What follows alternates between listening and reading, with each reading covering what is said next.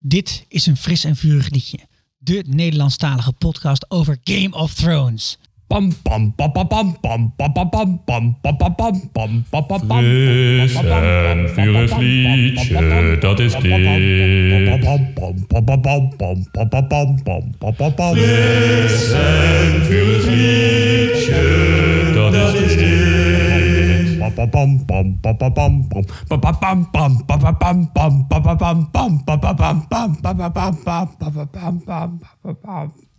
Welkom allemaal. Ik ben Sikko. Ik ben Esther. Ik ben Joyce. En ik ben Sander. En wat een aflevering was dit. Oh, ben. Dit was de aflevering waarbij mijn hoop dat het allemaal goed zou komen definitief de kop in werd gedrukt eigenlijk. Ja. En, en hebben wij allemaal deze serie al een keer gekeken. Maar het is toch elke keer weer zo, zo pijnlijk om Ik deze heb- aflevering te zien. ik durfde bijna niet te kijken. Ik heb letterlijk een deel niet gekeken toen ik het voor de opname ging herkijken. Echt niet? Nee, ik was gewoon mijn deel van, oh nee, mijn hand voor mijn ogen. Oh, shit, ja. Dit is de eerste keer dat ik deze aflevering terug zie. Want ik sla hem altijd over. Ik kan er niet naar kijken. Echt niet. Het is wel de eerste keer dat ik hem zonder te schreeuwen heb eh, teruggekeken toen, ja. Man. Eh, Even voor iedereen die, die zeg maar onze podcast voor het eerst luistert. Wij zijn een fris en vurig liedje en wij zitten midden in ons zeven mijlslaarzen plan. Waarom? Eh, dit is een manier waarop wij met hele grote stappen door de eerste vijf seizoenen van Game of Thrones heen stappen. Want vanaf het zesde seizoen kun je elke aflevering bij ons terugluisteren. Maar hier hebben wij selectief de afleveringen gepakt die er echt toe doen. En nou, dit is wel een aflevering die doet er toe natuurlijk. Ja. Eh, gelijk eventjes om mee te beginnen. We doen geen spoilers. Af en toe doen we wel een grapje voor degene die de serie al een keer eerder hebben gekeken. Maar dat zijn grapjes die je niet kunt begrijpen als je verder de serie nog nooit hebt gezien. Dus geen no spoilers ahead. We keken ditmaal de aflevering The Reigns of Castamere. En ja, kan iemand zich nog herinneren toen hij dit voor het eerst zag in de serie? Eh, ja, dus ik had de boeken niet gelezen.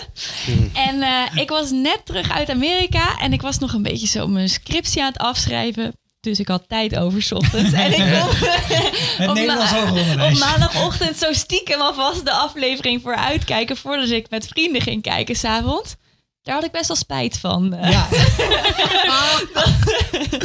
maar hoe, hoe, hoe, hoe kom je er ook op om de negende aflevering van een seizoen Game of Thrones dan eventjes vooruit te kijken? Ja, ik, ik had daarvoor... graag gezien, toch? de- ja, de eerste twee seizoenen had ik sowieso gebinged-watched. Dus ik kwam een beetje... Ja, seizoen drie was het Ah. eerste seizoen dat ik aflevering voor aflevering ging kijken.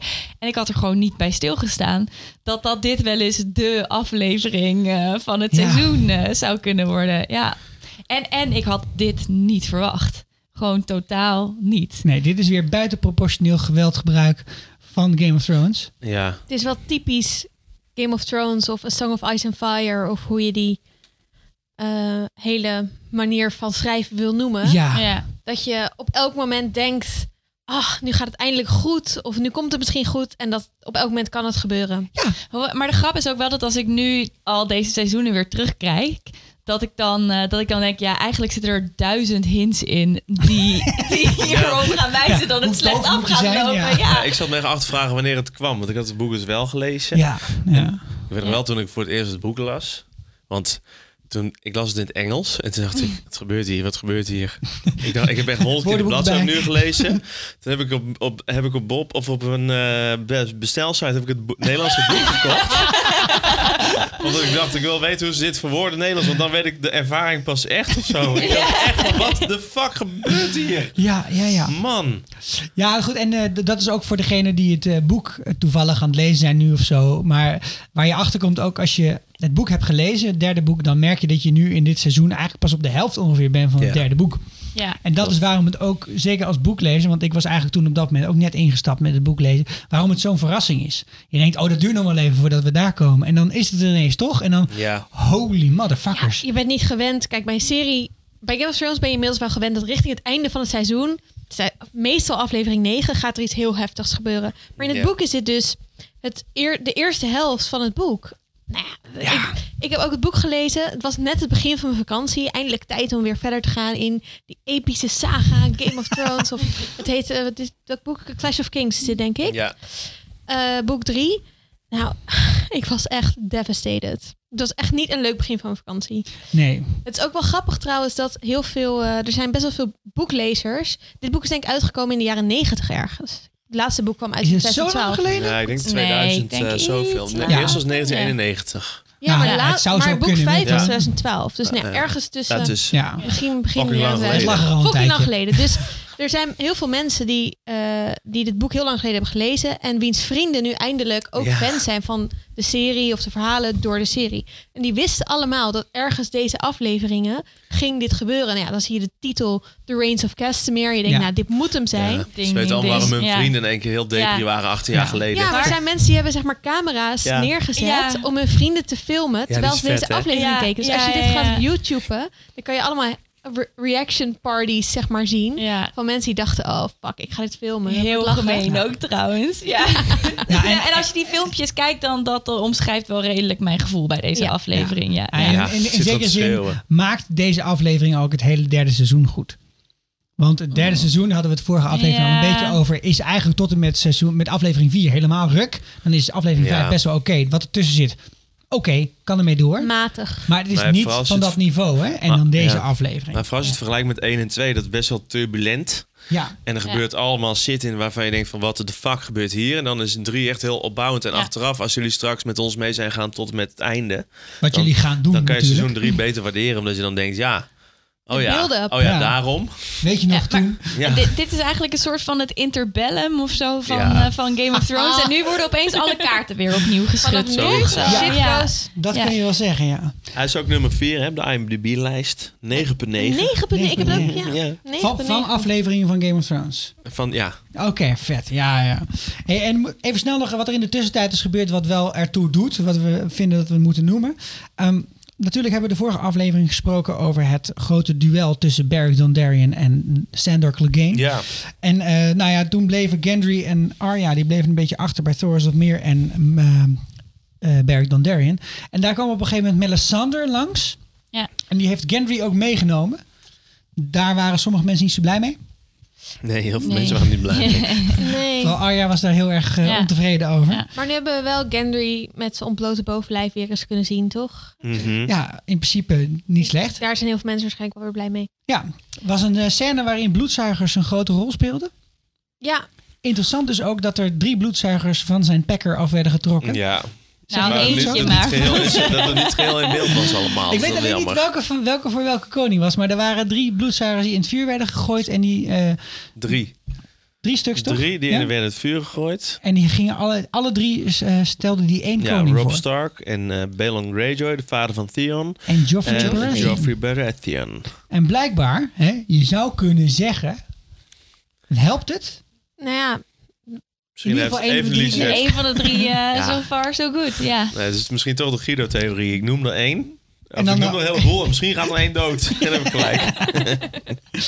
Ja, en we hebben een vrij eh, magistrale scène gezien tussen Olenna en Tywin.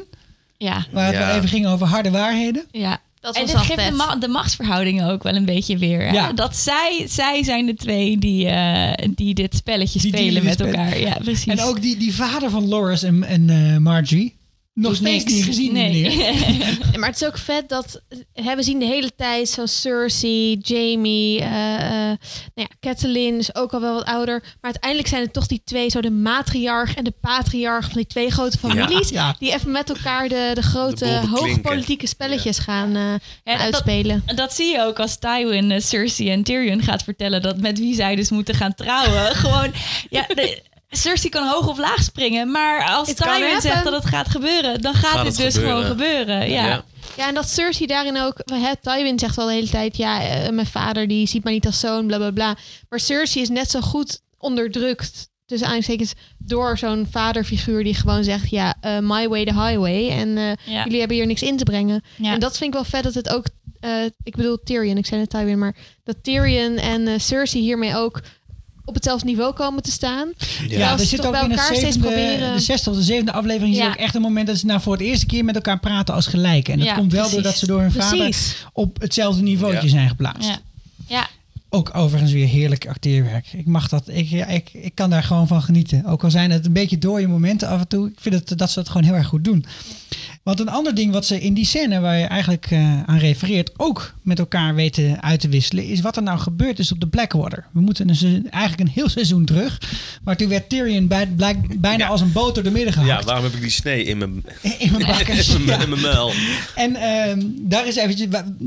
Daar wordt sterk gesuggereerd in de tiende aflevering van het eh, tweede seizoen dat Ja. dat een idee was van Cersei.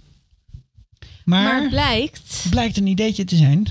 Van Joffrey. Van Joffrey, ja. En Cersei vindt dat, schaamt zich daar blijkbaar zo over. Of vindt dat zo erg dat ze het niet in eerste instantie niet zo erg vond dat ze dat Tyrion dacht dat Cersei dat deed. Hij moet Ja. het haar vrij eh, eh, straight to the face vragen. En dan nog zegt ze niet het was Joffrey, maar impliceert ze dat door niet te ownen dat zij het was. Ja. Wat Maar- ik wel als moeder, die natuurlijk een vrij psycho zoon heeft, kunnen we wel gewoon Ja. Vrij psycho. Stellen. Ja, staat ook Ja. in de DSM 5 als vrij psycho. ja, wel, ja. Eh, sekswerkers doodschieten met een kruisboog. En, eh, en je oom laten door laten doet- hakken als een bacon. Dat is echt vrij psycho. Ja. Ja, enigszins. Maar, maar dit is wel grappig, want zij moet dus nu toegeven dat zij hem niet meer onder controle heeft. Ja, vet? Dat is het eigenlijk, Ja, ja. want dat is ook het punt wat Tyrion is, is niet. Ik zeg maar, ik ben niet eens boos, ik ben teleurgesteld. Want hij zegt, het, is, het idee dat de, dat de koning zijn eigen hand door midden laat hakken is echt bezopen. Ja. Is echt bezopen. Ja. En dat is wel wat er is gebeurd hier. En wat, er zit ook wel een hele mooie scène in tussen Tywin en Joffrey. En ik vind toch dat, hè, Ja, ja, Als we ja, in die Ja, is eh, goed. Ja, die is goed, toch hè? heel Ja, even de ja, ruimte nemen ja. om daar heel eventjes een stukje van terug te laten horen. Your Grace, Grandfather? You wanted to speak to me. Yes. I'd like a report on the meetings of my small council. You're welcome to attend the meetings of your small council, Your Grace. Any or all of them. I've been very busy. Many important matters require a king's attention. Of course. You've been holding the council meetings in the Tower of the Hand instead of the small council chamber. I have, yes. May I ask why? Well, the Tower of the Hand is where I work. To walk from there to here would take time. Time I could otherwise spend productively. So, if I wanted to attend a council meeting, I would now have to climb all the stairs in the Tower of the Hand.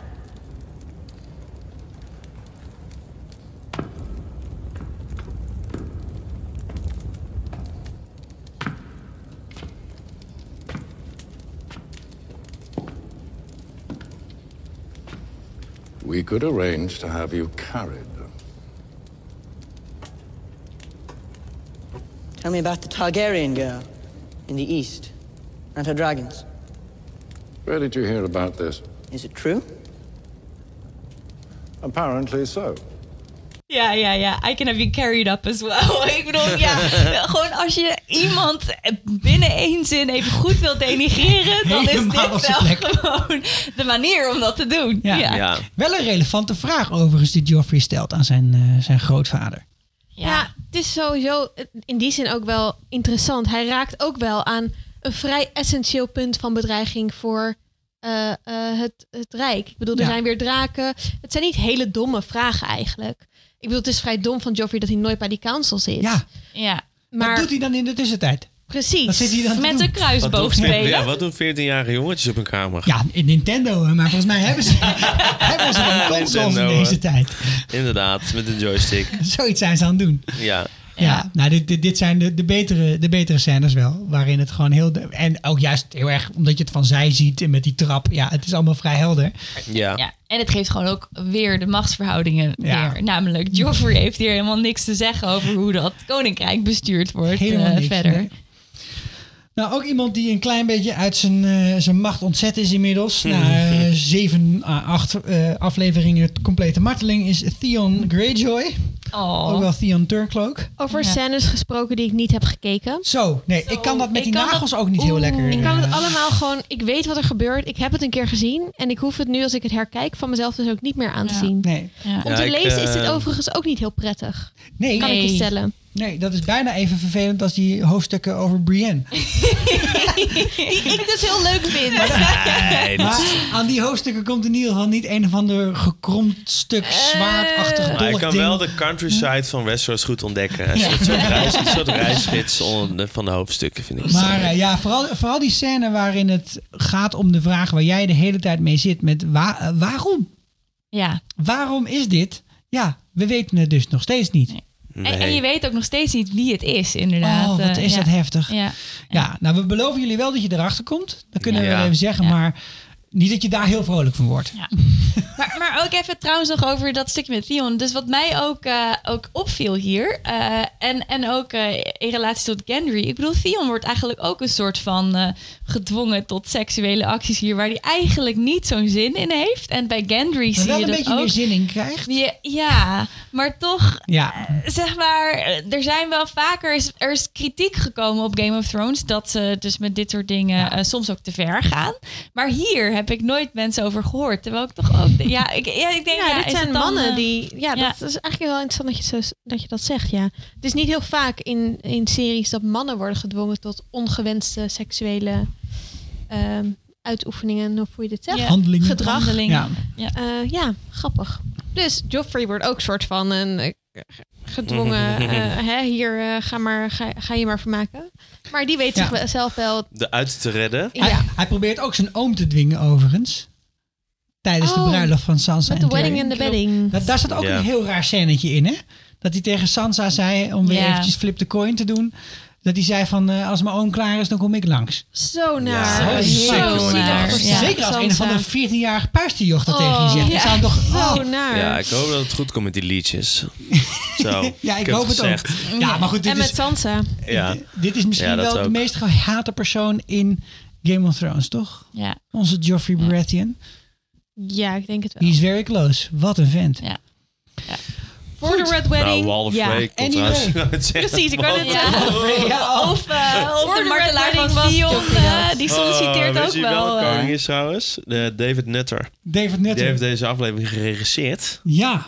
En die heeft echt fucking veel van Game of Thrones gedaan. Maar niet zoveel wat deze, onze luisteraars die dit luisteren al gezien hebben. Want hij heeft alleen twee afleveringen van eh, seizoen 2 gedaan. En hierna gaat hij nog uit. Want jongens, er komen nog een paar seizoenen hierna. Ja. Spoiler alert. Eh, nog een paar, maar best wel vette afleveringen. En Ja. het is ook, ik heb ook gehoord dat hij in het nieuwe seizoen, wat nog moet komen... ook nog een aflevering gaat maken of twee. Maar wat we in ieder geval wel weten van David Nutter is dat hij houdt van knippen en plakken. Want eh, deze hele Ja. aflevering zit door elkaar heen. Maar wij gaan er even per eh, verhaallijn doorheen. En dan moeten we Ja. natuurlijk beginnen met de Red Wedding. Hoe Ja. kan het ook anders? Wow.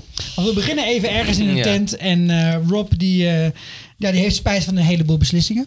Ja. Ook, ook van de beslissingen van zijn moeder. Maar Hij- hij vertrouwt zijn moeder toch wel weer genoeg om zijn plan aan haar voor te leggen. Hij moet Handje even sorry zeggen. Ja. Oh, dat is later pas. Nee, ik bedoel niet de tent. Ja. Hij zegt ook Handje even sorry tegen zijn moeder. Van, je had gelijk. Ja, je had gelijk. Wat de Theon Ja. nooit naar zijn vader moeten sturen. Ja, mijn theorie, zeker trouwens in de boeken, maar ook in de serie, is Catelyn is de schuld van alles. maar echt. Ja, ja. Even een Jans theorie. zegt ja. Al haar keuzes zijn fout. Al haar keuzes zijn fout. En nu gaat Rob soort van zitten doen. Ja, ik had meer naar jou moeten luisteren of zo. Dat ik echt denk, Nee. hell no. Ik heb gewoon slechte beslissing genomen, Ja. maar moet je niet gelijk naar je moeder gaan luisteren. Ja, ja en eh, hier zit ook wel een vrij beroemde quote in ook. Hè. Show them how it feels to lose what they love. Ja. Want eh Catelyn is hier toch wel op het wraakpad. Die is helemaal Ja. klaar mee. Twee, Ja. eh, twee verbrande zoons. Een onthoofde man. Vraag me af überhaupt om, dan, om aan haar dan eh, raad te vragen hierover. Dat dat wel verstandig is. In plaats van al die krijgsheren of vrou- en vrouwen in het boek die hij ook mee heeft. Ik, bedoel, maar- ik vind het wel goed dat, hij- dat hij haar advies eh, eh, inwint. Dat vind ik prima. Maar waardoor wordt zij gedreven? Door tactisch inzicht of door, Door wraak. door wraak? En wat is ja. dan een- ja? Ja, maar dat is volgens mij in ieder geval in de boeken. En dat ze hebben natuurlijk in de serie veel minder tijd voor dit soort dingen. Maar wordt, wordt ook Rob daar best wel op aangekeken. Dat hij heel veel met zijn moeder overlegt. En Ja. dat hij zich best wel ook laat leiden door haar. En Ja. dat is natuurlijk ook wel logisch. Of Hij is ja, logisch in de 12 zin of van. 13 hè, in het boek. Ja, Ja. maar ook wel dat andere, eh, hè, de, de mensen die al eh, 10, eh 15 oorlogen hebben gevochten, Ja, veldslagen hebben gewonnen, dat die zomaar Ja. moeten luisteren naar, naar zo'n Boy. 13-jarige of Nou ja, in de serie is hij denk ik 16, 17. Ja. Ja. En zijn moeder. Maar daar komt de strijd met de Karstarks natuurlijk ook vandaan. Ja. Die, eh, die eh, Ja, een aantal die, eh, afleveringen geleden onthoofd Ja. ja. is. Ja. Maar, en dat, maar in zekere zin, je, je kan Catelyn hiervan de schuld geven. Maar je- in, in Rob zie je ook heel veel frustratie. Want dat zegt Ja. hij ook. eh, ja, I've won every battle, but I'm losing the war. Dus eh, hij weet ook niet zo goed eh, wat, hij, eh, wat hij nou Nee. moet. Hij zit ook klem eigenlijk. Maar ook deze scène is, is in zekere zin eigenlijk expositie. Want er wordt eventjes, de kijker wordt herinnerd aan het feit dat ze naar Castle Rock willen om daar de boel in te nemen.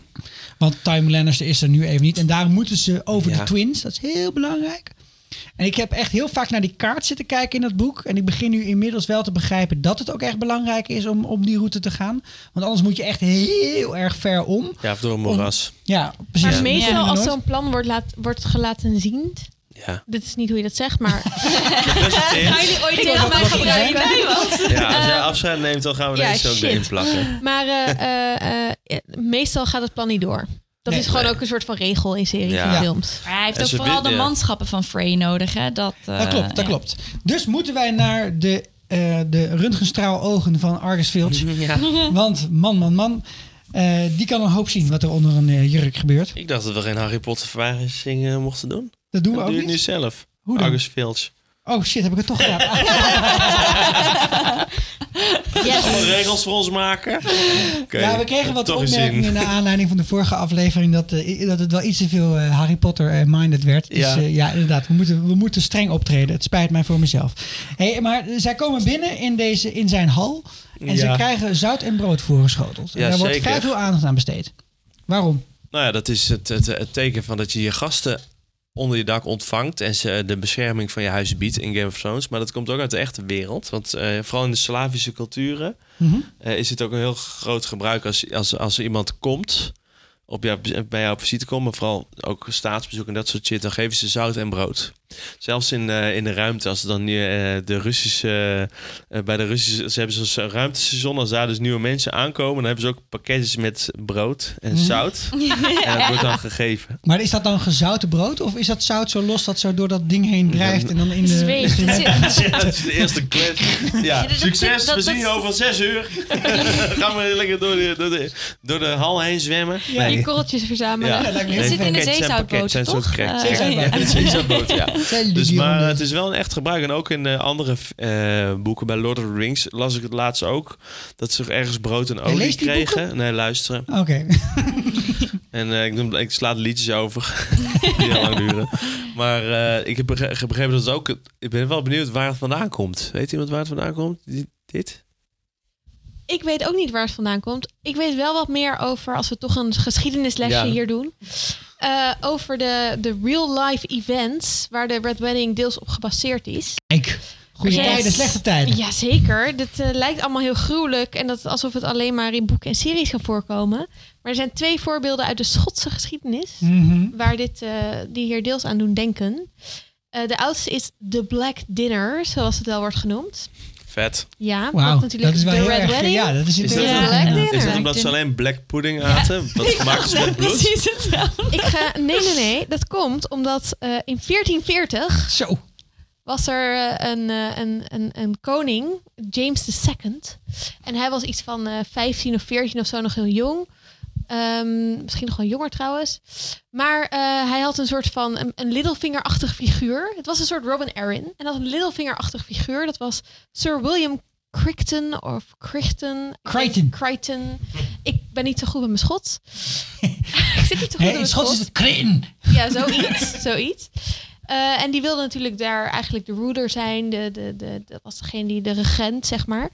Eh, maar die, die, die James die had nog twee neefjes of zo. En die waren iets ouder. Die waren 16 en, en 11 of zo. Was heel oud in die tijd, toch? Ja. Wat, en dat waren een bedreiging voor die regent. Dus die, had tegen, die regent had tegen die James gezegd... Ja, je, moet, je moet die twee maar eens uitnodigen voor een diner.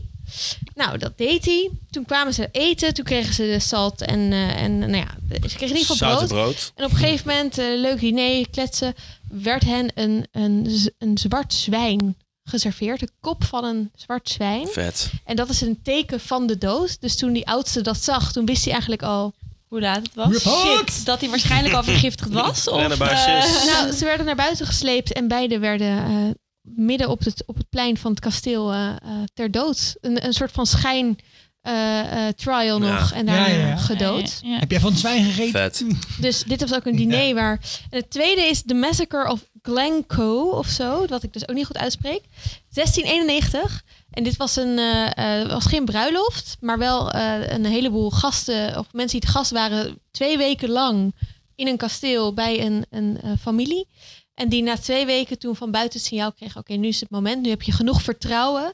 En toen, de gasten hebben toen de, het hele gezin en eh, Oh. legers, et cetera, van de host Het is een vermoord. inverse Ja. Dat de Ja. gasten de host En, doodmaken. en, maar en ze waren dus daar ook al naartoe gekomen. eh, omdat het ze idee- eigenlijk de, de, de mensen die hun hadden uitgenodigd niet zo er was mochten. geen ruzie Ja, over nou, nou, was triviant dan of zo. er, Nou, Eh. het is nog heel lang. voor- Je kan het allemaal teruglezen, ook allemaal filmpjes over. Maar het was wel al een hele lange strijd. Maar het was een hele zware winter. Dus ze hadden toch gevraagd, ondanks dat de verhoudingen niet super goed waren, mogen wij bij jullie als gast eh, hier schuilen. Oh, zo zeg. En toen zijn ook nog heel veel vrouwen zijn tijdens dat massacre zijn weggevlucht. Vrouwen en kinderen en zo.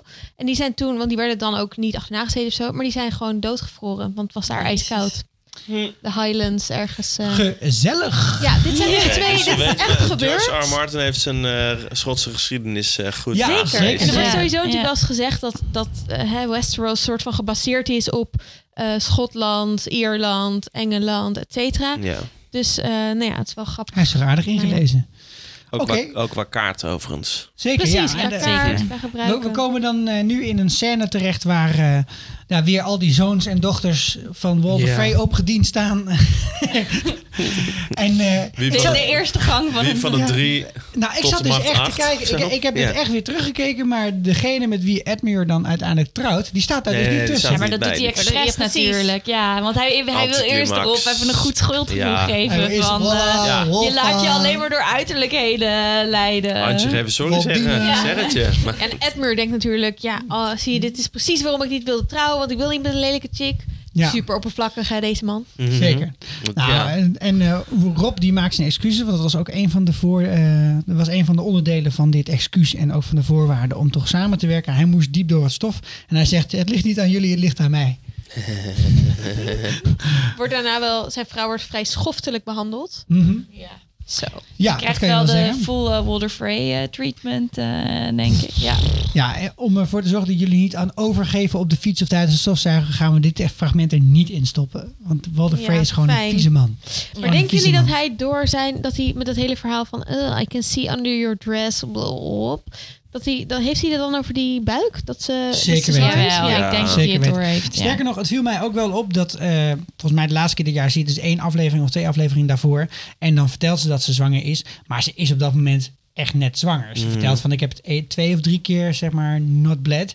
Maar ja, ze is, ze is op dat punt in die scène echt nog niet zo bol als dat ze in deze aflevering is. Ja. En Ja. de vorige aflevering was er van ja, het duurt allemaal te lang voordat we er zijn. En dan ging het over een vertraging van enkele dagen. Het is niet alsof je dan ineens drie keer zo'n grote buik krijgt of zo. Dus ze hebben het ook wel veel meer eh, echt beetje- aangezet dat ze een Misschien dikke zouden buik ze wel heeft. heel veel fastfood tegenkomen onderweg, hè? Ja, Dat ze zichzelf echt niet kon bedwingen. van die, van die varkens. Ja, ja. Van die varkenspootburgers, ja. Krabbetjes. Ja. Lekker, lekker. Maar dit is wel trouwens een van de Ja. grootste eh, punten waar eh, in ieder geval op dit moment wordt van het boek.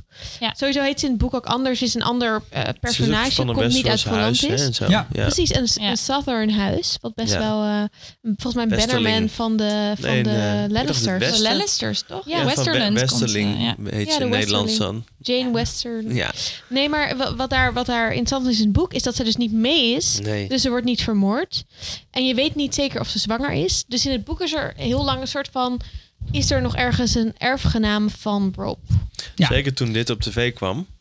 Dat men dacht, holy Oh. shit, hier is ze wel zwanger. Ja. Ja, Maar Ja, maar hier wordt het wel eventjes...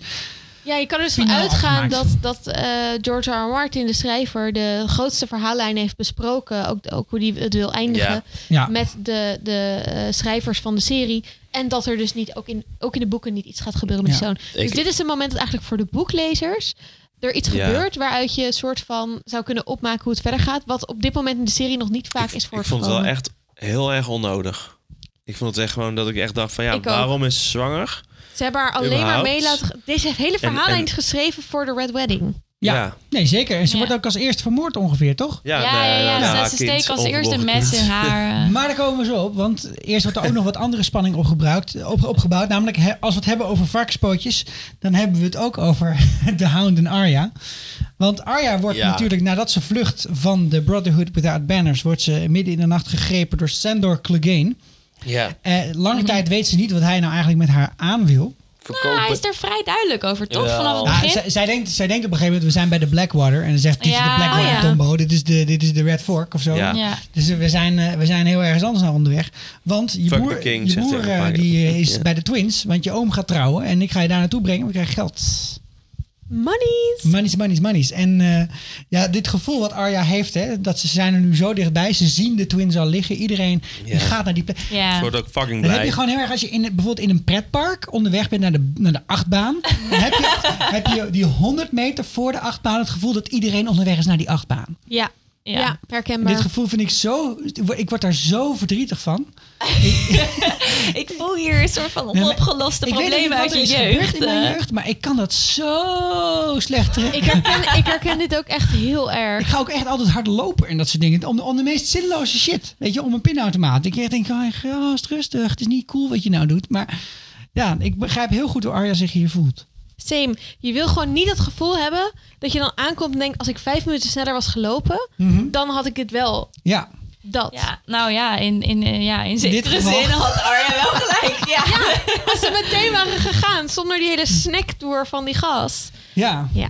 Ik wil nog wel iets over die scène zeggen. Want ehm, de hound zegt op een gegeven moment... als zij zo bang is en de hele tijd aan het kijken is van... oh, ga eens niet weg. Dan zegt de hound tegen haar... no point of trying to hide behind the face. I know fear when I see it. En dat is natuurlijk wel bijzonder... omdat Arya net eh, Jack en Hakar heeft ontmoet... die letterlijk zijn gezicht kan veranderen. Eh, en zo Ja. eh, eh, ja, een soort van vermomming heeft. En zij er heel erg door geïntrigeerd is. Ze heeft het volgens mij ook nog over hem Zeker. in deze aflevering. Ja, I know a man, nog, hè? Ja. I know a real murderer of I, I, I know a real killer. Ehm, dus wel, ja, wel Ja, ze interessante krijgt wel gelijk terug in zijn gezicht van... nou, ik weet ook hoe angst eruit ziet. Want dat heb ik bij jou gezien toen je schild in de fik stond. I know things. Dik vette jijbak. Ja. Mooi. Ja. En ook die wederzijdse bedreigingen, die gaan hier op een gegeven moment zo ver dat je denkt... Ik hou er wel van om van series te geloven dat als iemand dan zegt van... Ik zie jou nog wel een keer van, nou dat zal nog wel een keer gebeuren. Maar dat gaat hier wel, worden wel heel veel voorspellingen gedaan. Dat ik op een gegeven moment ook dacht, ja oké, laat maar even zitten. En wat ik ook interessant vond in die scène is dat je ziet dat Arya zegt: nee, vermoord die man niet. En dat is ook iets van eh, de Stark-familie, wat we later in deze aflevering nog gaan zien. Oeh.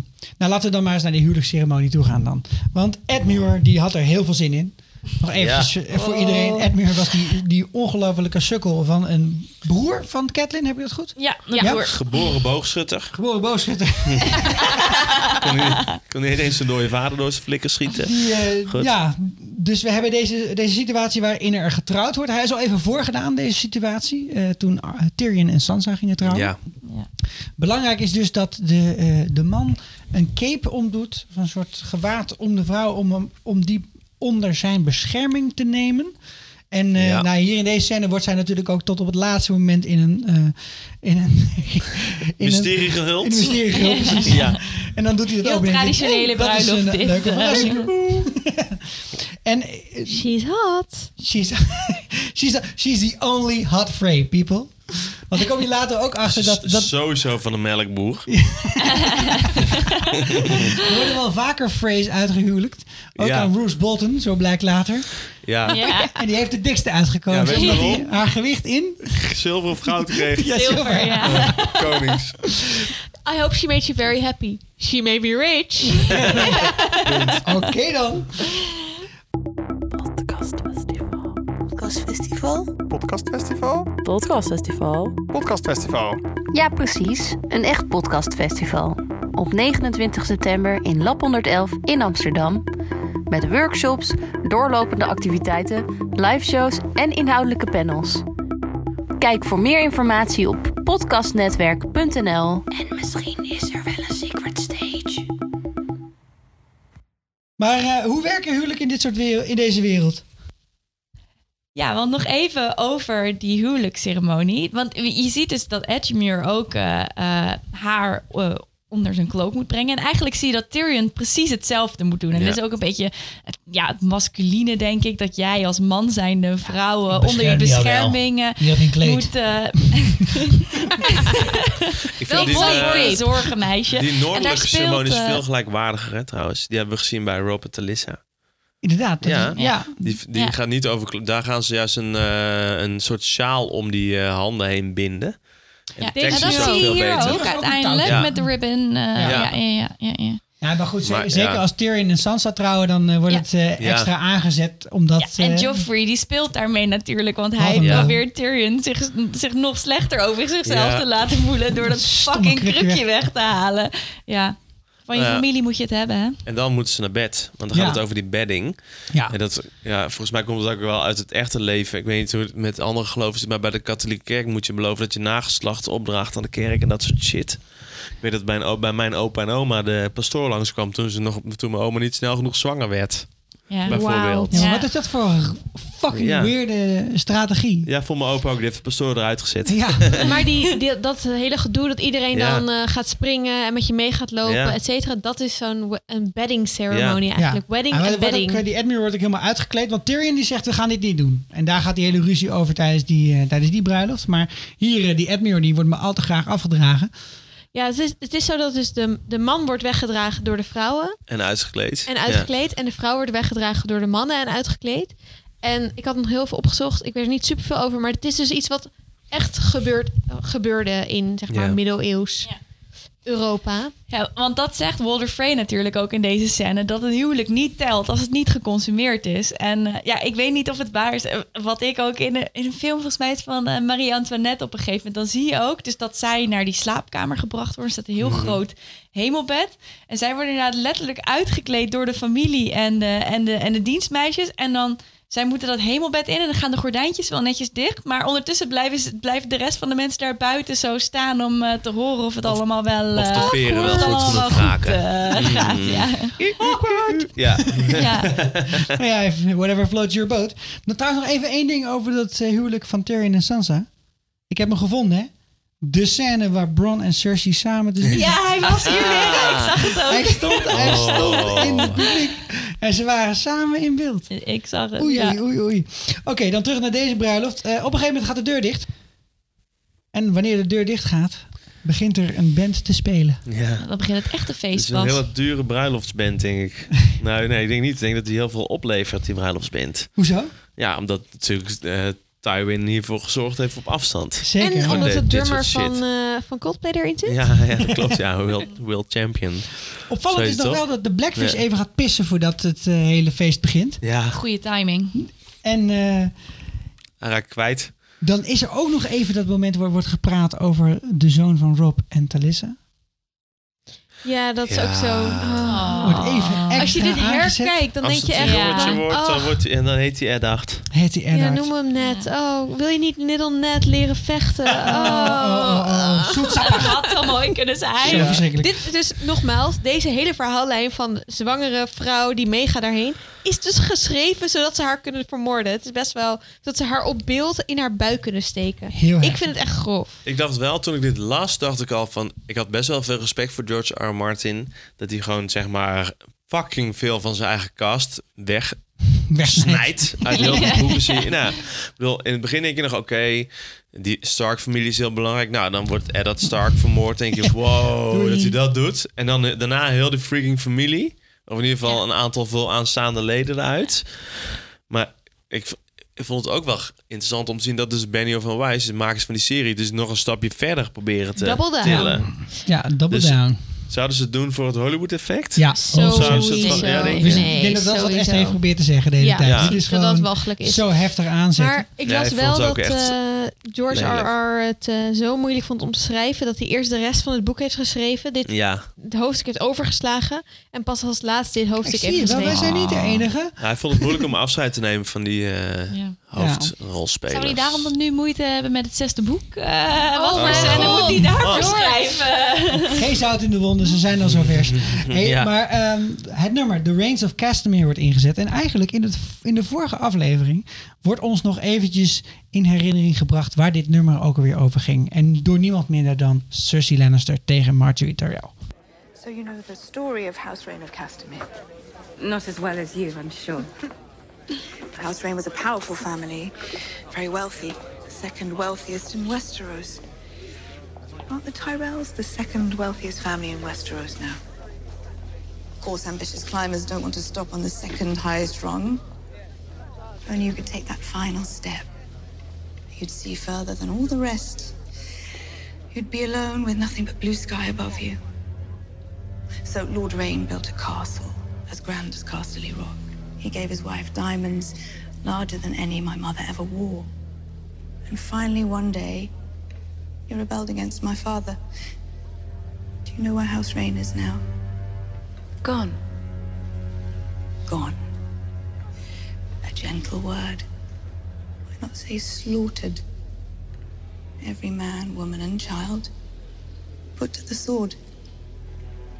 I remember seeing their bodies hanging high above the gates of Casterly Rock. My father let them rot up there all summer. It was a long summer. And now the rains sweep o'er their halls, and not a soul to hear. Dus wat Cersei hier eigenlijk uitlegt aan Marjorie is... als de Lannisters korte metten maken met iemand, dan is het ook finaal. Dan Ja. is het voorbij. Dan is je huis dus weg. Burn it to the ground. Boom. Ciao, ciao. En dat is... eh, nu begin je pas eigenlijk echt door te krijgen... wat er in de afgelopen drie, vier afleveringen nou is gebeurd... tussen Jamie en Bruce Bolton. Ja, Nou heb je het pas door. En dat is pas Ja. op het moment dat Catelyn eventjes dat stukje van zijn mouw optilt. Wat hij trouwens ook voor haar neerlegt. Ja. Hè? Hij Ja, wil haar ja, te- ja, ja. Waarom hij haar wil waarschuwen is misschien ook een filmografisch effect of zo. Maar dat je denkt, he's a fucking bastard. Waarom heb jij een maliënkolder aan onder je kleren? en hij liet al eerder zien dat hij niet dronk. Hè? Eh, hij eh ja, hoefde dat geen zit ook wijn. eventjes Ja. erin. Maar ik had het idee dat eigenlijk zodra de Reigns of Castamere werd ingezet, Kathleen echt al zit van, oh shit. Wat en de de deur gaat dicht. is happening. Ja. Ja. Het zijn allemaal van die shots die Ja. net een microseconde te lang duren. Dat je denkt, eh, ah, Gaat dus mis. Het is ook Ja. niet niet echt... eh, niet chill hier. Niet je dat de mensen op de tafel gingen staan, niet echt een meezingertje of zo. ja, het is echt een voor de party, man. zo- Dat nummer werd ingezet en Ja. ik wist niet eens Weet je, dat... normaal gaan mensen gewoon inhaken of zo, weet je. Als je dan zo'n zo'n bedoelt, een vrijgezel, die gaat pas slapen. Nee, maar ik bedoel meer van... The Reigns of Ja. Weet je, En dat Ja, gebeurt ik- vaak aan het einde van zo'n bruiloft. Maar nee, dit is anders. Heel de toon was anders. Sad. Ik wist Ja. niet eens dat dit, dit nummer de Reigns of Castamere was, maar gewoon inderdaad aan de hele toon hoor je dan. Nou Ja. jongens, eh, was dit niet meer voor een begrafenis? Staat in Eh, best mineur, staat ja. het. Ja, Ja, en dan is het daarna bloed, heel veel bloed, overal bloed. Het gaat echt helemaal flat, mis. flat, flat, spijlen Hoeveel- overal in flikkers. Hoe, hoe Boromir kan je zijn, hè? Drie van die kruisboogpijlen Ja, in, flikker. Ongelooflijk. En, dan toch, en toch staat hij Ja, ja. inderdaad nog. Zelf familie En nog- van Boromir. hè? En nog naar zijn... Ja, zeker weten. En aan het einde krijgt eh, Robbie in ieder geval nog een, eh, een dolk tussen zijn ribben. De Lannisters. Maar niet voordat their zegt-. Make it stop, make it end. Oh, dat nou, vond ik zo zegt ze tergend. niet. Ja. Ik vond, het wel, ik vond het ook wel lelijk gedaan toen ze haar keel doorsneden. Vond ik ook lelijk. Zo het casual zo mooi was eruit het. zien ook, Ja, zo. Nee, Alles dit met is- zag een Kathleen beetje gewoon irritant. uit. Ja, maar het is ook niet zo heel mooi CGI. Maar toch, ja, ze gaat, eh, Ja, ze moest dood. ze gaat eraan en dan gaat Rob Oh, dood, die, ja. die schreeuw van haar van afschuw als Rob Ah, dan definitief merg vermoord en wordt. Ja. Heel kort en toch ja. Maar Ja. dit is wel, ik vind het wel grappig dat hè, de Lannisters sent their regard. En we hebben het net over gehad, dit is allemaal gepland door Tywin. eh, hè, dat weten we door dat gesprek met Ja. Jamie en Bruce, Bruce Bolton. Je wint oorlogen Maar- met brieven. Dit is de eerste Bruce aflevering. Bolton. Dat vind ik wel een toffere naam eigenlijk. Bruce. Bruce Bolton. Bruce Bolton. Zoals mensen noemen, de Bruce. De je, Harry Ja. Potter, hè? Allitereren ook al die namen. Ja. Precies. maar dit is de enige, of de eerste aflevering waar geen enkele Lannister in voorkomt. Dus Oh, ja, eigenlijk sure, zijn ja, de. Lannisters hier de hoofdrolspeler bijna. Want die hebben dit allemaal gepuppetmastered, orchestrated. Hun grote wraak, The Reigns of Castamere. Het grote nummer van Tywin, et cetera. Maar er zit geen enkele Lannister in deze aflevering. Ja. Vind ik best wel cool gedaan. Ja, nou en eh, de vorige aflevering hadden Annaluna en ik het er ook nog even over dat het zo onduidelijk is wie nou Winterfell uiteindelijk in de fik heeft gezet. Want er Ja. zitten de, de Ironborn zitten daarin. Ze weten dat de Boltons daar aankomen. En daarna is gewoon Winterfell een desolaat afgefikkeld ground. fikt landschap. Maar wie heeft dat nou gedaan? En ik begin nu echt te denken, dat moeten de Boltons zijn geweest. Eh, Nee, dus ik begrijp wat Ruth Bolton hiermee wint. En die is Jamie Ja. natuurlijk ook tegengekomen. Maar wat, wat, wat, wat ik me nu toch ook weer afvroeg is... Wat, waarom werkt Walder Frey hier aan mee? Want hij zet zijn hele reputatie op het spel eigenlijk. Ja. Want hij breekt een van de belangrijkste wetten van Westeros... namelijk het gastenrecht. Dat je Ja. niks tegen je gasten doet. En het is al niet zo'n populaire man... want iedereen vindt hem ook een nare man. Dus waarom laat Hij hij, lijkt op zich... wel. Nou, Waarom maar laat hij zich verleiden? Ik denk omdat hij gewoon de boel op stelt wil zetten. En denkt, Ja. ja, niemand mij neemt me ooit serieus. Er wordt alleen maar grappen gemaakt dat ik laat was bij een oorlog. Eh, ze- en die vader van jou komt niet eens naar mijn zoveelste bruiloft. Want dat zegt hij ook nog een paar Ja. keer. Gewoon, Ja. Hij denkt gewoon, Ja. fuck you. Met Ja. z'n allen. Na mij Ik de doe het gewoon. Ja. Après moi la deluge. En hij was gewoon heel erg in zeer aangetast. Ik denk dat Rob toch met eh, die voor de firm tits gegaan is. Ja. Of, Net of zijn hij heeft geen... Was hij niet letterlijk iets van... Oh, zo jong, dan is alles nog strak? Ja. Ja. Ja. Zo Eh, naar. bet they don't drop an inch. En dan, Dat dan, dat dan met een... Oké, Ja, met kwel op zijn gezicht, dat soort dingen. Ja. lieve Ja, of, of gelooft hij toch ook niet meer in de winst van Rob? Dat kan natuurlijk. Dat, dat nee, dacht nee, ik nee, ook. dat, dat, kan ja. heel goed. Dat, Ja. dat, hij, dat hij denkt, ja, dit gaat gewoon niet meer lukken. Ja. Terwijl, nou ja, ik heb zelden wel het gevoel dat als, het, als hij de phrase had meegekregen en had Cassidy Rock aangevallen, was het misschien nog wel iets geweest. Wie weet, maar Walder Frey is gewoon het voorbeeld van eh, de, de re- rechtse, eh, opportunistische, grijze man. Die kiest voor geld boven idealen. Zo, en nou heeft Esther ook haar campagne weer gedaan.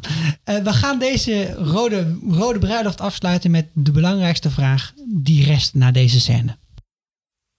Well, he went outside just to take a piss. Where the hell is the blackfish? Brandon Tully has been missed. Where the hell is the blackfish? Well, I know where the blackfish went. Because I read ahead in the books, and the blackfish is definitely. At- oh, oh, I'm sorry. You guys didn't know that yet. Oh, sorry. Spoilers. My fault. My fault. Oké jongens, even een, eh, een intermezzo, een interventie. Wij hebben post gekregen. Niet. Fris en vurig liedje post hebben wij gekregen. Ja.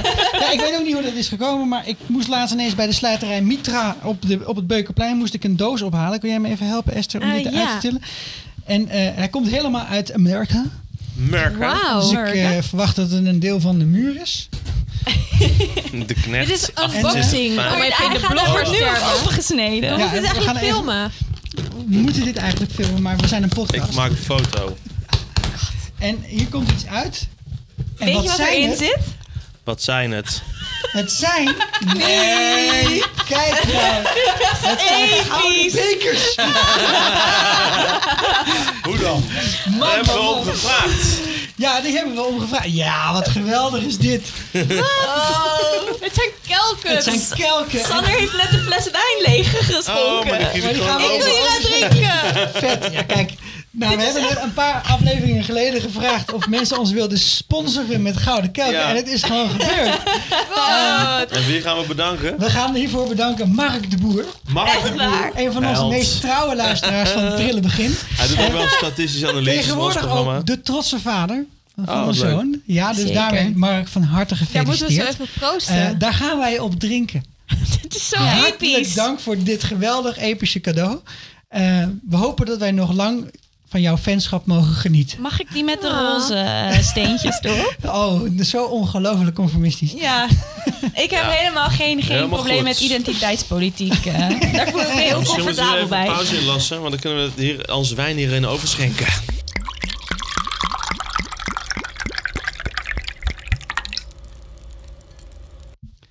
Ja, daar proosten we op, jongens.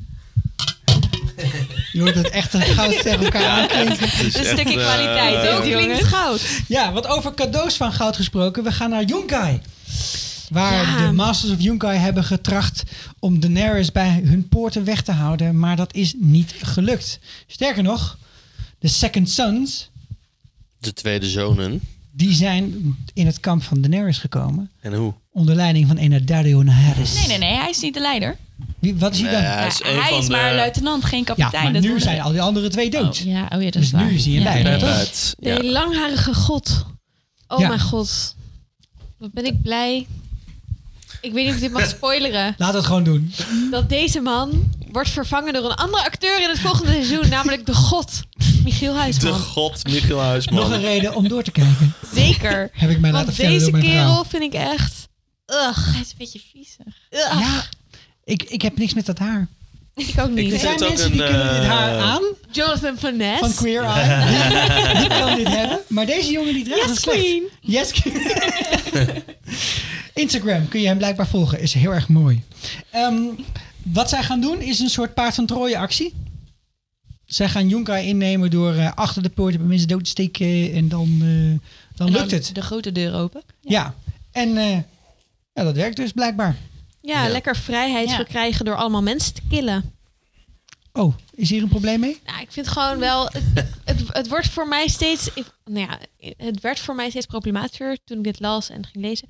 Hoe Khaleesi zeg maar de grote bevrijder is, maar wel gewoon vet veel mensen afslag de hele tijd. Maar ja, zo werkt het altijd in oorlog en zo, ja. Ik heb mezelf Dus net dat al gepositioneerd als super links. Ja, ik Meisje, eggs to dus- make an omelet, you know? Precies.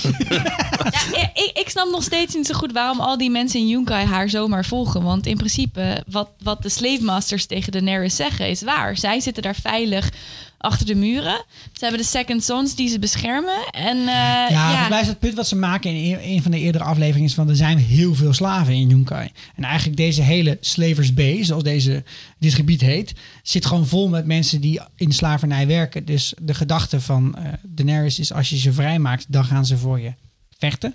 Ja. Ja, dat wordt hier eh, vrij makkelijk eh, ja, goedgekeurd, deze gedachte. En eh, daarom hebben we een verhaallijn. Ja. ja. Meer kan ik er ook niet echt van maken. Of zijn Ja. er eh, intelligentere gedachten over... Ja. eh, Ja, nee, ik vind deze verhalen gewoon suf. Zeker Ja. de serie. ja. Het is, Next. Ja, ja. Ik Ja. vind haar ook heel vervelend. eh, Ze ook vooral een in het reden- boek ja, over... eh, het, het, het wordt mij gewoon nog steeds niet duidelijk waarom mensen haar willen volgen. Want eh, draken. White Savior. Oké. Ja. Over redders gesproken. We gaan naar Sam en Gilly Netjes. aan de andere kant van de muur. En zij zijn op weg naar het Knights Fort. Nadat Sam eventjes en passant een White Walker heeft vermoord. Ja. Hallo? Ja. Hallo? gewoon, Ja. Er gewoon wordt gewoon zomaar. En niet dat jullie een soort van... Wat? Sam, je hebt net de White Walker vermoord? Nee. Nee. Gewoon... Oh, hey Sam. Lopen hier rustig verder. Ja. Dat vond ik echt wel een beetje die... Ik bedoel, de vorige aflevering hiken. Eindigt echt zo... What? What just happened? Die was echt Ja. spannend, jongen, aan het eind. Ja, ja. Holy ja, ja. Met die kraaien chips. en die boom. Ra waren het raven? Graaf of kraaien. Ja, nee, weet ik ook niet. Ik, ik zie dat niet hoor. Ik, ik ben slecht in vogels. Zwarte vogels. Zwarte vogels. het was ook donker. Hey, maar het wel zij- merels. Zij Ik is op weg naar het Knights Fort, want eh, Sam heeft weer eens iets gelezen.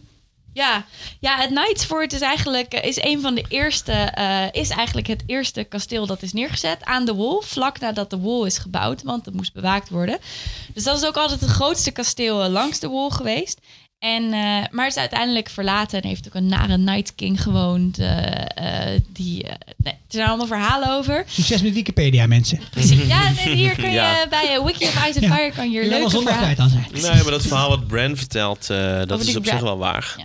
Dat is een van die verhalen. Over de Red Cook. Ja, Toch? precies. Ja. De- Dus Old Nan heeft ook altijd spookverhalen verteld Ja. aan eh, Bran en Die de wist andere Stark zoveel. jongens. Ja, ja, ja, ja, ja, ja, ja. En eh, eh, het is dus nu verlaten, maar er is een deur met een gezicht van een weirwood eh, tree eigenlijk erop. En als je daar de juiste woorden zegt, dan kan je daar doorheen en naar de andere kant van de wall toe. En eh, heel veel mensen weten daar niet meer van, behalve Sam, want die heeft het in het boek gelezen. Ja. It's like magic. En, en dus is hij een wizard. Ja. Ja. Heel interessant. Ja, nou goed. You're a wizard, Sam. Nice try, Esther. Ga je dit er nu uitknippen? Nee, dat gaan we er niet uitknippen. Het is voor de goede verstaander. Eh, ja, nee, een interessante ontwikkeling. Dus zij gaan naar de andere kant van de muur. En dat brengt ons aan de andere kant van de muur. Bij John, Bran, de Wildlings en nog heel veel meer mensen. Aan de andere kant van de muur. Ja, want er is, er is heel veel verkeer gaande. Ja. Er komen mensen van de, molen? van de andere kant van de muur hierheen. Er willen mensen van deze kant naar de andere kant van de muur. En ehm, er zijn zo weinig eh, grensposten waar je zo makkelijk doorheen kan. Hè? Ja. Ja, maar die, die mode die we zien, dus die scènes die we zien met, met eh, hè, die, die we zo gaan bespreken. Dit is dus volgens mij echt aan de andere kant van de, wal, eh, van de muur van waar Sam is. Ja. Dus dit is niet zeg maar 100 meter, of nee, oké, misschien wel een- zeg maar 100 kilometer naar rechts, maar echt zeg maar ongeveer op dezelfde hoogte. Ja. Ja. Best wel cool. Ja, zeker. En ehm, we hebben hier dus de situatie dat we een aflevering hebben gehad waarin John, Ygritte, Varamir en eh, Allerlei andere wildlings. eh, Ja, over Tormund. de muur heen klommen. Fucking heftig. Die was Ja. cool, Ja. Zo. Waar we ook wel weer zien dat die Varamir, eh, die, eh, die kan het bloed wel drinken. Trust no one. Dit is een, dit is een, eh, een asshole. Ja, en hij heeft eigenlijk goed gezien natuurlijk, laten we eerlijk zijn. Ja, nee, nee, nee. Ja. Constant vigilance. Maar ik vind John heel aardig. En Ygritte vind ik heel aardig. Dus ik vind hem niet aardig. Ja, dat snap ik. Zo doe ik dat met Game Zo of worden wij Thrones. geprimed ook, Ja, toch? zo worden wij geprimed. Ja. En zeker omdat ze bovenop de muur nog even heel lang gaat staan tongen. Ah, zo deed het hem voor sexy jou? met het uitzicht. Dat was Nou ja. op de tocht staan, hè. Holy shit. Ja, maar blijkbaar kun je dus over de muur heen klimmen. Je kunt er ook omheen, want dat vertelt Osha. Hè? Ja. Die Ja. vertelt dat ze er over omheen eh, ge- gevaren is bij de Ja. Bay of Seals. Ja, En eh, nou ja, volgens. Sam kun je er dus ook onderdoor. Dus lekker verdedigingswerk, die muur. Ja. ja. Maar alleen voor de kenner, hè. Is het makkelijk. Alleen voor de kenner. Ja, Voor precies. kenner. Ja, je moet wel een klein... Ja. wel En een- Ik denk niet dat iedereen er zomaar overheen klimt. Nee, ik denk het ook niet, toch? Dat klopt. Maar uiteindelijk hebben we hier dus een interessante samenkomst van Wildlings en Starks. En ook de mensen die de Starks er weer hebben geholpen. Dit is een, eh, een flink ratje toe aan het worden. Ja, want dit is een samenkomst en dit is eigenlijk de tweede reden waarom deze aflevering voor mij zo moeilijk is om te kijken. Want het is het tweede sprankje van hoop voor de Stark-familie, toch? Want John en, eh en eh, Rickon en Bran zijn letterlijk 50 meter van elkaar verwijderd. en ze is. Zien elkaar niet. niet. En, en je, Net als ik- met Arya en, en, en net als haar- met ja. Arya en Rob, je hoopt gewoon dat die Starkjes weer langzaam bij elkaar komen. Ja. En dat, dat eh Bran en Rickon dan gezellig met John meegaan naar, naar Castle Black. En dan Money. hier, ja, jammer, het eh, loopt in de soep. En eh en Ja. herkent John de, de direwolves daar die ingrijpen in die scène uiteindelijk? Dat is een goede vraag. Dat ziet zie hij je ze niet. eigenlijk Hij ziet ze? Hij wel. ziet, ziet ze ze wel, maar ja. je ziet het hem niet registreren. Eh, Nee. Ja. Oké, maar die... Oké, we zijn dus bij die molen. Alle Starkjes zijn opeens bij elkaar, of een deel van Ja. Starks. Maar wat, wat gebeurt nou eigenlijk? Want we hebben net gezien dat eh, John komt van de muur af met eh, de, de pack of wildlings. En eh, er is een, een man eh, met een heleboel paarden. Ja, die en de wildlings willen hem overvallen om die paarden te stelen. Ja. En John zegt al meteen, hoezo, het is een oude man. Laat hem gewoon, we stelen gewoon die paarden. Ja, De waarom moet die man zeggen, dood, is eigenlijk de grote vraag. Dan zegt, hoe heet ze? De, zegt, ja, maar dat is chiller voor die man als wij hem gewoon doodsteken. Dat hij hier in zijn eentje een beetje Ja. gaat sterven. Ja. Wel een beetje een Ja, vind ik Ja, dat is wel praktisch Ja, maar het is ook wel, hè, Eskimo's laten ook de ouderen achter in de sneeuw. Want dat is, en dat is gewoon een houding. Als Dat je is in de kou politieke woont. systeem. Precies, is dat misschien logisch? Laat hij zijn zwaard vervolgens bijna vallen weg naar die Ja, boerderij. tikt heel Precies. Ja, maar dat is dus expres, hè? Ja, Ja, ja, dat ja. hij wil gewoon die man waarschuwen. Eh, en hij dacht, eh, het leek alsof hij ermee wegkwam. Maar bij Ja. die molen komen ze dus toch die man nog tegen. En dan is het toch dus blijkbaar wel... Van, kom op, John, hou nou eventjes kleur bekennen. Jij, Ja. ja, ja dus ook, ik, ik vond het ook heel erg dik erbovenop liggen. En ik zat ook echt te denken van, John, kom op. Je kunt uh, Corin Halfhand doormidden hakken. Ja. Dan kun je toch wel een of andere molenaar of een of andere eh, paardenmenner... kun je toch ook wel eventjes een kopje kleiner maken. Vooral- een beetje... Ja, Wat is het probleem nou? Ja, vooral omdat Varamir hem al de hele Ja. tijd openlijk in twijfel trekt. En Thormund beschermt hem nog een beetje. En dan nog, weet je wel, niet gewoon... Op dat moment kunnen we denken, ik moet nog eventjes eh, een week op mijn tanden bijten... en wat dingen doen die niet zo netjes Ja, maar zijn. aan de ene kant denk je, dit is in de, ook in de nagedachtenis van een Ja. Halfhand die je hebt vermoord. Waarom doe je dit? Maar aan de andere kant snap ik het wel, want hij is nu vlak bij de wal. Hij kan zijn, eh, hij is nu zeg maar op rijafstand van het waarschuwen van zijn brothers. Dus, dus het wordt ook steeds minder belangrijk Ja. dat hij bij die Wildlings blijft. maar toch, ik, Ja. het, het was wel belangrijk. Ik, vind, ik snap ook nooit, ik snap het nooit zo goed waarom dit ook erin weer was. Want ik vond het ook niet zo geloofwaardig dat ze die man die was gevlucht met een paard.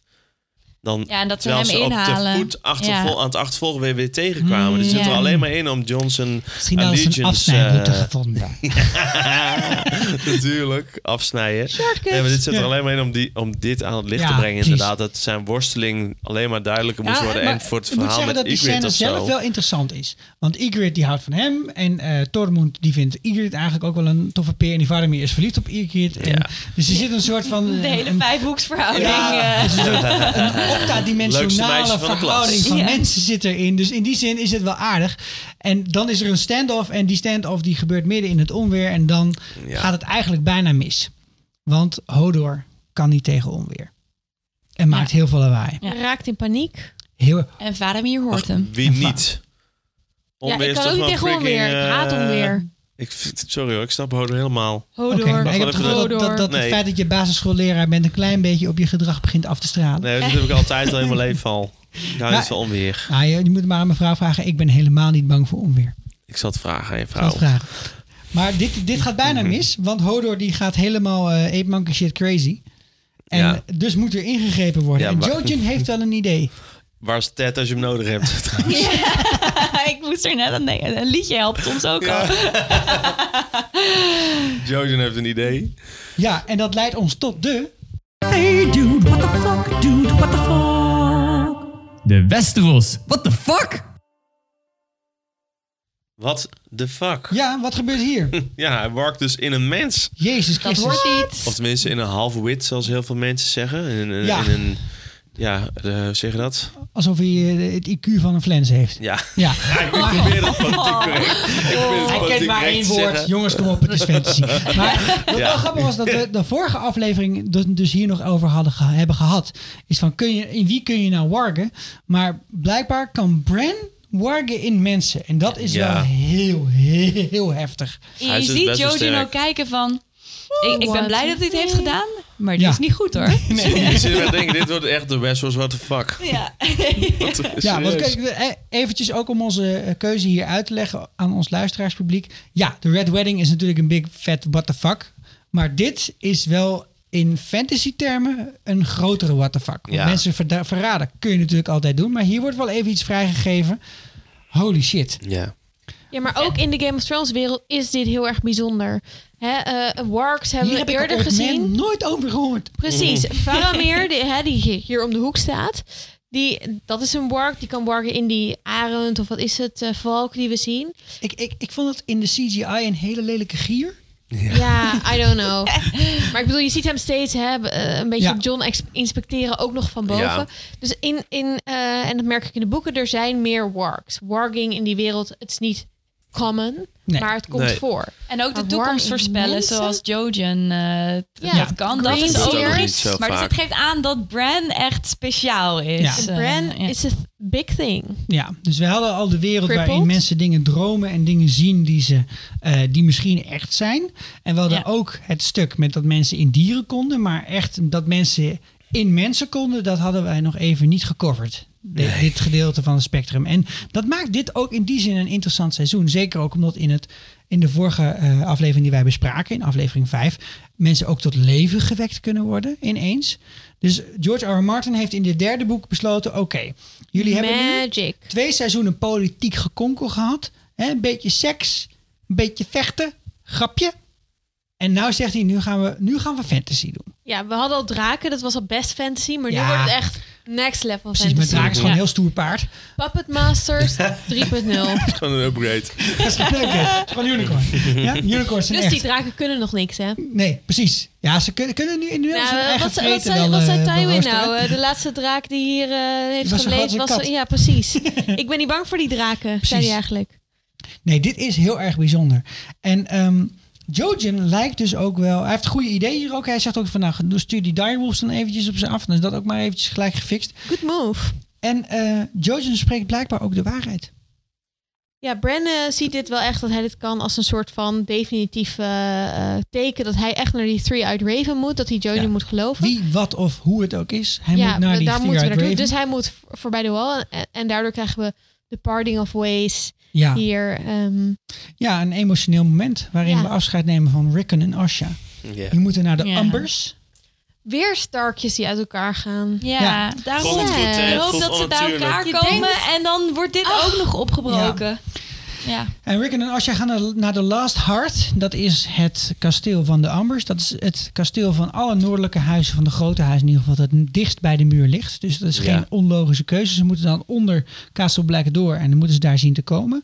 Eh, de Ambers kennen we nog wel. Dat was die meneer die zei, your meat is bloody tough. Ja. Toen zijn vinger Ja, eraf dat Great. John Amber. Great John Amber.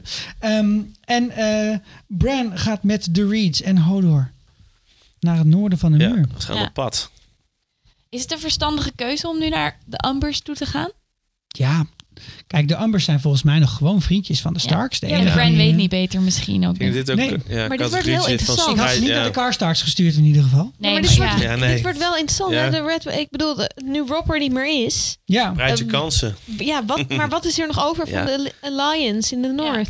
Ja, nee, daarom, dat is waarom deze aflevering natuurlijk zo belangrijk is. Want ja, Ja. ja. Rob was degene die de boel bij elkaar hield. Dat, dat ze- wordt, er komt ook heel veel voor in het seizoen. Die Northerners zijn een beetje raar. En ja, Stark is wel de officiële eh, de baas in het noorden. Maar iedereen is heel erg op zichzelf, alle, alle huizen. En ja, die hebben zich eh, unite onder Rob. Maar ja, de vraag is wat daar nu mee gaat gebeuren. Wat nu? super spannend. Wij vertellen jullie dat wij jullie bij de volgende aflevering weer gaan zien. En die volgende aflevering zal de tweede aflevering zijn van het vierde seizoen. Dus we laten jullie Ja. heel weinig ademruimte. We- zijn binnenkort weer terug. Gewoon Wel een doorkijken. heel nieuw seizoen, hè? Ja, Ja. eh, ook zoals wij in dit 7 mijlslaarsplan altijd even doen, is dat wij een in memoriam plegen voor de mensen die ons in de, tuss- in de tussentijd zijn ontvallen, die we niet hebben kunnen noemen in deze aflevering. En de eerste daarvan is Ross. We zitten inmiddels op 80 mentionable kills, oftewel 80 karakters die we bij naam hebben leren kennen, die er niet meer zijn. Best lekkere score na drie seizoenen, zou ik zeggen. En één daarvan is Ross en die is door Joffrey met een kruisboog in haar ribben Flikker vastgeschoten. gestoken. Oh, Ja. ja. Ross was de, zeg maar een van de eh, collega's van eh, Littlefinger. Ook zo iemand die helemaal bedacht is voor de serie. Ja. En die alleen maar heeft geleden, volgens mij. Maar Helemaal uit Winterfell is gekomen. ja, helemaal Ja. uit Winterfell. Aflevering Zat 1 in de uh, eerste ze aflevering. Dus ook Ik heel blij. niet.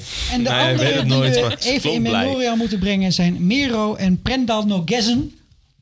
Ja, En ja. dat zijn de geslachtsdelen van je die weet het wel, dat zijn, wat, eh, dat zijn de kapiteinen van de Second Sons. Oh. Ze hadden in totaal een minuut onscreen. En in die minuut beledigden ze, of beledigden vooral, eh, dacht dat Mero eh, meermaals Danny, oftewel de Khaleesi, En vrouwen in het algemeen. en vrouwen in het algemeen. Ja, Melisandre Dus of uh, Houdoe en bedankt voor deze Ja. twee mannen. Verder, eh, de rest hebben we wel behandeld in de tussentijd. Van wie er zijn overleden.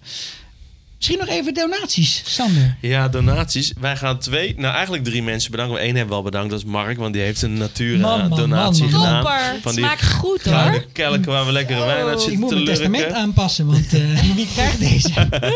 Eh, maar ook Victoria, die eh, wil ons heel graag bedanken voor onze podcast. Die heeft gedoneerd. En Graag gedaan, Annelies Victoria. vindt het fijn hoeveel leuker wij Ga- Game of Thrones voor haar maken. Zo. En als je wil doneren, ga je naar www.frisenvurigliedje.nl en dan klik je op de shop op de op shop knoppen. Nee, op de Nee? knop shoppen. Ja? En dan kan je Maar daar. moet je niet naar Facebook, Sander? Nee, de frissenvurigliedje.nl die verwijst op dit moment nog door naar onze Facebook. Oh. Maar daar komt binnenkort een site voor in de Ja, plaats. daar komt binnenkort wel een site voor in de Zo, plaats. zo, zo. Dat is echt waar. Maar, Maar je klik, op kan de, dus, klik op de knop shoppen. Je kan dus En doneren in, in monies, maar Ja. ook in goederen. Ja, Ja. Dus als je denkt, als je denkt ze praat, ze, het klinkt wel heel stijf, dus het moet wat soepeler, dan kun je ons een fles wijn sturen bijvoorbeeld. Bijvoorbeeld, bijvoorbeeld. Of als je het niet snel genoeg vindt gaan, stuur je gewoon een draak. Geen enkel probleem. Elke dag de koets van Littlefinger eigenlijk. eh. En in Ja. de tussentijd kunnen jullie ons dan volgen op de socials, waaronder Twitter, waar je ons kunt volgen onder de handle NLGOT podcast. En op Facebook onder slash fris en vurig liedje. Vragen, opmerkingen, suggesties en scheldkanonades kunnen altijd gestuurd worden naar fris en vurig liedje gmail. En dit was alweer, dit is de zesde aflevering of de zevende aflevering in het Zeven Mijls Plaasplan? Ik kijk mij aan, maar De ik heb echt geen idee. Het was de zesde aflevering. We zijn over de helft, dames en heren. Hey. We gaan eruit met een prachtig gezongen nummer door de zanger van The National, The Reigns of Castamere. Ik ben Sikko. Ik ben Sander. Ik ben Joyce. Ik ben Esther. Houdoe en bedankt. Doei. And who are you? The proud Lord said that I must bow so low. Only a cat of a different coat. That's all the truth I